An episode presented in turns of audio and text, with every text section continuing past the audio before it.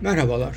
Bu haftaki podcast'imizde Türkiye ile Ermenistan arasındaki yeni normalleşme girişimini ele alacağız. Oku, dinle, izle. Kısa Dalga. Şimdi bilindiği gibi 2009'da e, Türkiye ile Ermenistan arasında bir buna benzer bir süreç yaşanmıştı. Çok detayına girmeye gerek yok. O süreç başarılı olamadı. Şimdi bir süredir e, Erdoğan yönetimi takip ettiğiniz gibi dış politikada e, bazı önemli dönüşümler gerçekleştiriyor. İşte İsrail açılımı, Mısır'la yakınlaşmaya çalışıyor daha iyi giden Birleşik Arap Emirlikleri ile ilişkiler neredeyse 180 derece dönüşler yaşıyor dış politikada Türkiye. Bu süreç daha önce başladı aslında. Doğu Akdeniz bölgesinde Mavi Vatan'la e, başladığını, hani oradaki geri çekilmeyle Yunanistan'la istikşafi dedikleri o görüşme süreciyle başladığını söylemek lazım. Bunda neler, e, hangi edenler rol oynadı diye soracak olursanız, yani bir dış politikada çok izeli oldu Türkiye. Yani yani böyle dış politika olmaz. Bunun herkes farkında muhtemelen. E, ikincisi içeride zayıfladı. Şimdi içeride zayıflayınca dış politikada biraz zorlanmaya başlıyorsunuz. Özellikle Batı ile ilişkilerde. Erdoğan'ı en değerli kılan şeylerden bir tanesi geniş bir tabana dayanıyor olmasıydı iç politikada. Şimdi bu bu bu, bu boyut çok zayıfladı ve tabii işte ekonomik koşullar bunu e, besledi. E, ve sonuncu olarak da tabii Biden yönetiminin iş başına gelmesi, Erdoğan'a çok mesafeli durması ve Erdoğan'ın e, giderek Biden'cı bir dış politika çizgisine doğru kaymaya çalışması. Bütün bunlar birleştiğinde hani Türk dış politikasında biz yeni bir U dönüşünü görüyoruz ve her birinde yeni bir boyutuyla karşılaşıyoruz. İşte İsrail'de olduğu gibi, Birleşik Arap Emirlikleri olduğu gibi ya da işte Ermenistan açılımında olduğu gibi. Şimdi e, Türkiye ve e, Ermenistan'ın hani içine baktığımızda hani bunu e, mümkün kılan e, koşullar nelerdir diye baktığımızda şimdi şöyle bir enteresan durum var. 2009'da e, AKP bu süreci başlattığında yani Ermenistan'la normalleşmeye gidildiğinde o dönemde işte Dışişleri Bakanı e, Davutoğlu e, yani Türkiye'de işte komşularla sıfır sorun politikası yani böyle tanımlanan bir dış politika ilkesi var en azından. Elde bir ilke var. Hani beğeniriz, beğenmeyiz, eleştiririz. Uygulanışının hani kendisi iyidir, uygulanışı e, sorunludur falan. Yani şimdi öyle bir şey de yok. Yani öyle bir kavramsallaştırılmış bir dış politika da yok. Herhangi bir dış politika ilkesi de yok. E, onu da söylemek lazım parantez içinde. Şimdi o dönemde hem Dışişleri Bakan, Dışişleri'nin böyle bir politikası var Türkiye'nin dış politikada hem de liberal kesimlerin desteği var. Şimdi günümüzde ise tam tersi. Yani ortada liberal kesimler yok. Hatta sivil toplum yok. Bir tarafında MHP işte açıkça ittifak kurduğu. Diğer tarafta Vatan Partisi'nin desteği var falan. Hani çok milliyetçi bir e, iktidar var. Hani e, dış politikada kuvvet kullanan falan. Şeyle 2009'da çok e, kontrast taşıyor neredeyse. Ama bugün bu açılımın başarılı olma ihtimali daha yüksek. Onu, onu o kısmı biraz daha ilginç. Yani iç koşullar şey o tersine olmasına rağmen. Yani şöyle de bir hani iç koşullarla ilgili bir e, gelişme var e, ya da durum var. E, ya er, seçmeni Erdoğan'a sonsuz bir güven besliyor. Yani dış politikada da geçerli bu. Yani ne yaparsa işte iyi yapar gibi bir algılaması var seçmenin ve dış politika yani başarılı da olsa başarısız da olsa Erdoğan'ın popülaritesini, seçmen gözündeki popülaritesini etkilemiyor. Ve Erdoğan bunu anladı. Bunu çok oldu anlayalı. Yani şöyle bir örnek vereyim. Yani 2005'te gitti İsrail'i ziyaret etti. Ariel Sharon'la görüştü. Hiç etkilemedi yani seçmeni. 2009'da One Minute dedi. E, gene etkilemedi. Yani e, ikisi de şey Kıbrıs'tan asker çekerim diyor. Etkilenmiyor seçmen. E, şimdi iki devletlik diyor. Seçmenin muhtemelen haberi bile yok. Yani böyle bir politika değişikliğinden. O yüzden de yani dış politikada biz ne yaparsak yapalım hani içeride şeyi e, hani iç siyaseti seçmenle ilişkileri başka bir yerden kuruyor Erdoğan ve hani o zaman da dış politikada eli çok rahatlıyor. Yani hani seçmene hesap vermek gibi bir zorunluluğu olmuyor. Yani bize dönüp yani niye siz bu politikayı izledin, şimdi niye bunu değiştirdin e, diye sorsak da bir cevabı yok. Yani bunu ana muhalefet de soruyor muhtemelen. Yani sorduklarını tahmin ediyoruz. Ama buna buna buna cevap vermeye bile gerek duymuyor. E, dolayısıyla da böyle bir rahatlığı var. E, çünkü şimdi içeride de MHP nasıl ses çıkarsın? Çünkü Azerbaycan itiraz etmiyor. Onlar da e, sessiz kalıyorlar falan. Şimdi Ermenistan'a baktığımızda orası biraz daha karışık. Bir defa enteresan bir şey oldu orada da. Seç, savaşı kaybeden seçimi kazandı. Bu, bu genelde çok olmaz. Yani seçmen bir bunun bedelini ödetir. Ama öyle olmadı. Yani Ermenistan 30 yıldır kontrol ettiği toprakları e, Azerbaycan'a kaptırdı. E, kötü bir şey tabii. Yani savaş olmadan halledilseydi. Gene çünkü aynı kapıya çıktı. Oraları işte güya Ermeniler yani Karabağ dışındaki toprakları kaybetti aslında ağırlıklı olarak. E, oraları da hani pazarlık için almıştı falan güya. E, dolayısıyla pazarlık için aldıysan müzakere et ve pazarlıkla ver yani vermedi. Sonuçta asker kaybederken insan hayatıyla hem ödedi hem de toprak kaybetti falan. E, şimdi tabii Ermenistan açısından zor bir süreç çünkü e, savaş kaybettikten sonra masaya oturuyor. Bu genelde diplomasi tekniği açısından tercih edilen bir durum değildir. Yani objektif bir analiz yapmak gerekiyorsa normalde yani daha eşit pozisyondan müzakere yapmak daha avantajlıdır. Bu, bu bir risk taşır ve bunun farkındalar. Hani Ermenistan içinde de e, çok tepki var. E, şeyde muhalefet partilerinde falan bu Daşnak Sütyum falan onlar çok itiraz ediyorlar. İşte Türkiye'nin ön koşul koyduğunu, Türkiye'nin koyamadığını falan. Yani genelde söyledikleri şu hani Ermenistan'daki muhalefetlerin benim hani okuduğum kadarıyla onların açıklamalarını, bazı muhalif isimlerin yazdıklarını sınırların açılmasında bir sorun yok. Ama e, karşılığında siz ne veriyorsunuz falan gibi. Yani Ermenistan'ın burada bir kayıp e, yaşayacağını düşünüyorlar ve bir kısmı daha radikal olanları da hani işte hatta şeye kadar gidiyor bunun ucu. E, Ermenistan Anayasası işte bağımsızlık bildirisindeki ifadeler yani işte Batı Ermenistan dedikleri Türkiye topraklarından da vazgeçiyorsun falan gibi e, anlamsız günümüz gerçekliğiyle hiçbir ilişkisi ilintisi kalmamış e, söylemler var falan.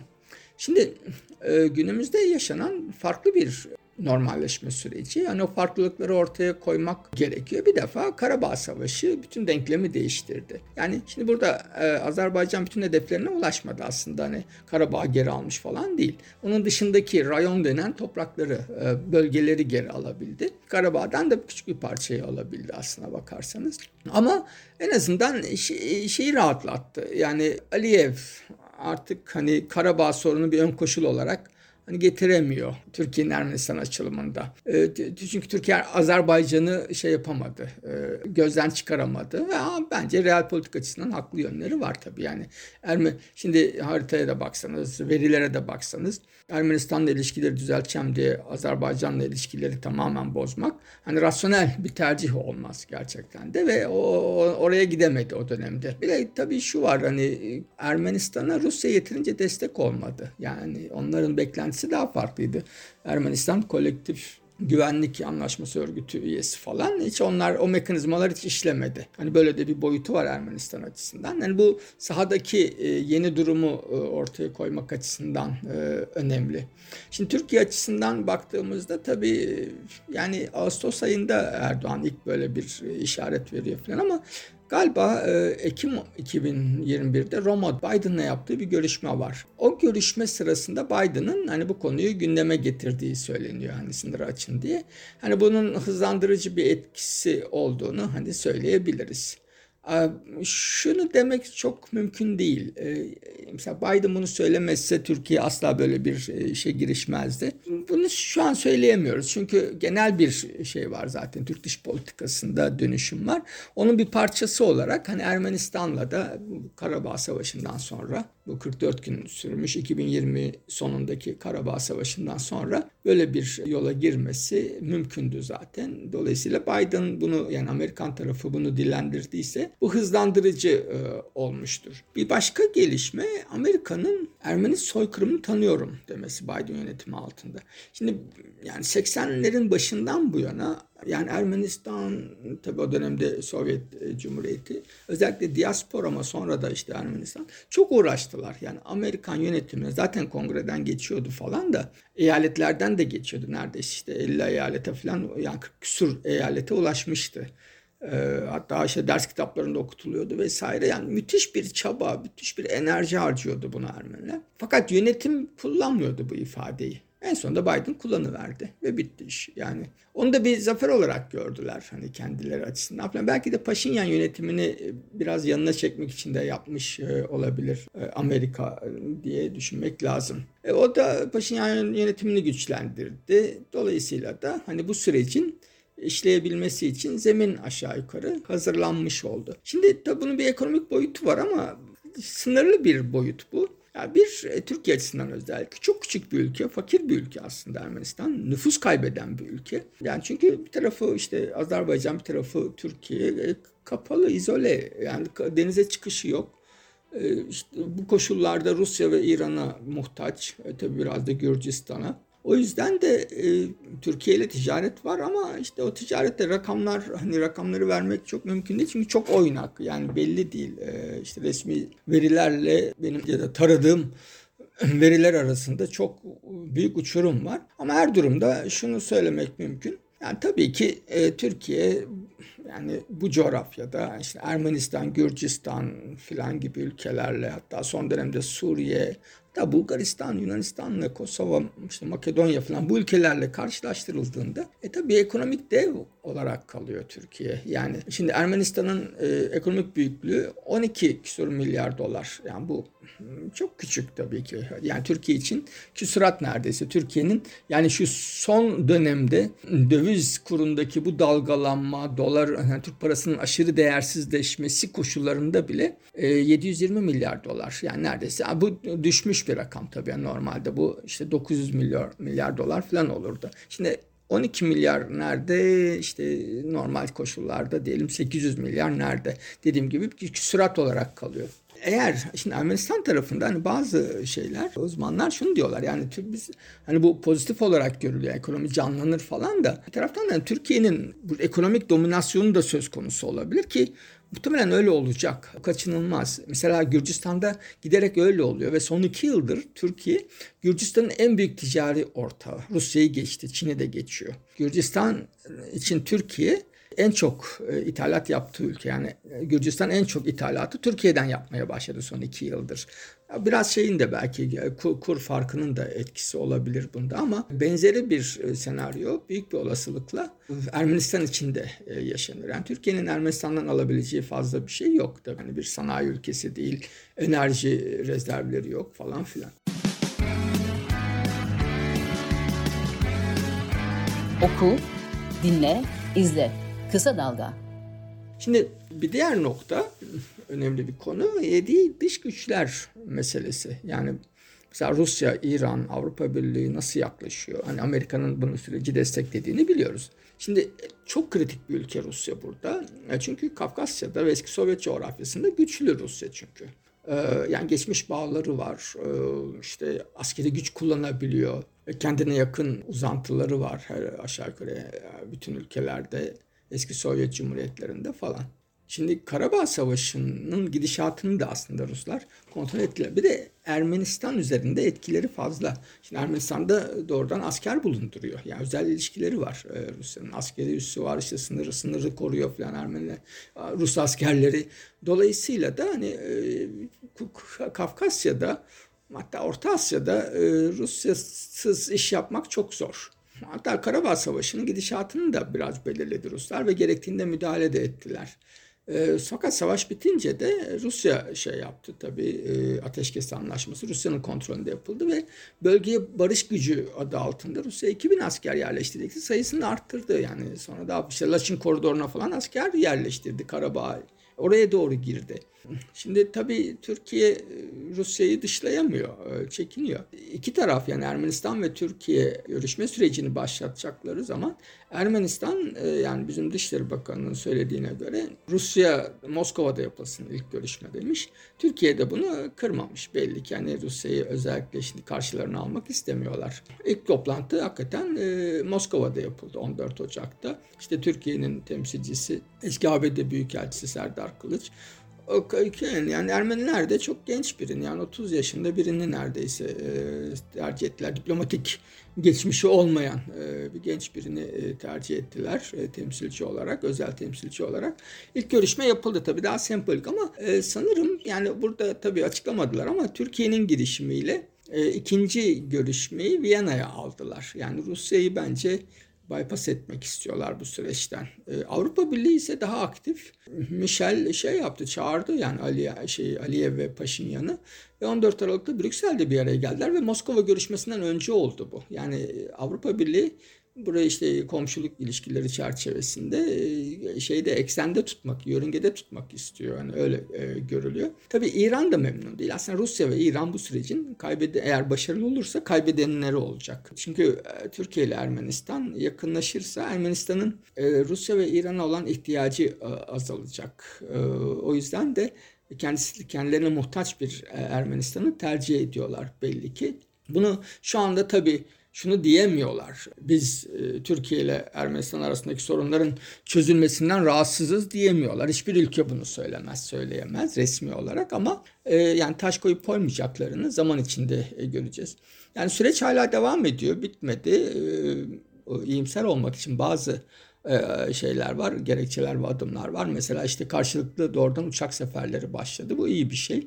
Yani iki tarafın da iradesi olduğunu gösteriyor. Ermenistan tarafı bizim hiçbir ön koşulumuz yok diyor. Türkiye'de aslında buna benzer şeyler söylüyor ama galiba Zengezur koridoru yani Türkiye'den çıkıp Iğdır'dan geçip mesela hani Nahçıvan üzerinden bütün Nahçıvan'ı geçiyorsunuz. Şeyin Karabağ'ın en güney ucu yani İran sınırından geçip tekrar Azerbaycan'a giriyorsunuz. Şimdi bu koridor açılırsa Türkiye Azerbaycan'a doğrudan ulaşmış olacak karayoluyla. İki tarafta yani bunu elinde tutuyor. Yani Türkiye bunu istiyor. Muhtemelen Ermenistan ve Rusların da desteğiyle ya da belki Ruslar istemiyor bunu tam olarak bilemiyoruz.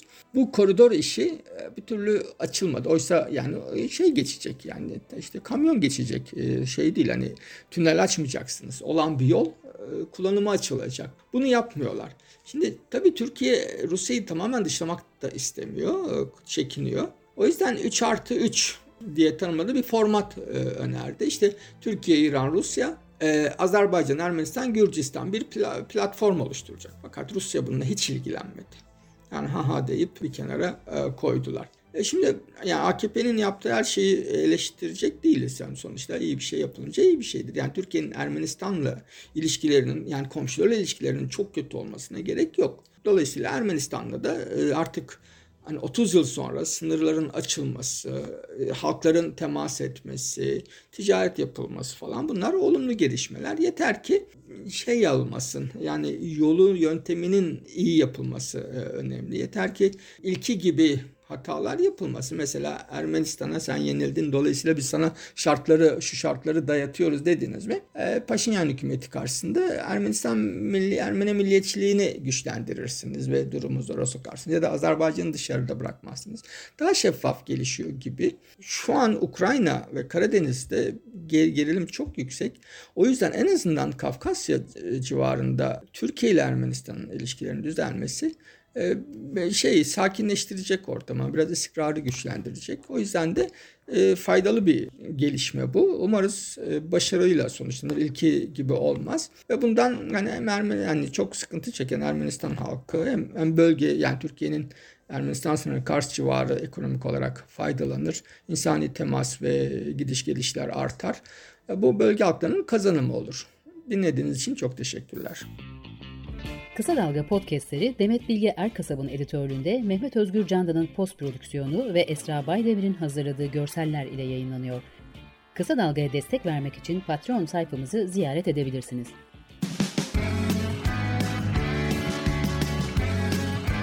Oku, dinle, izle. Kısa Dalga.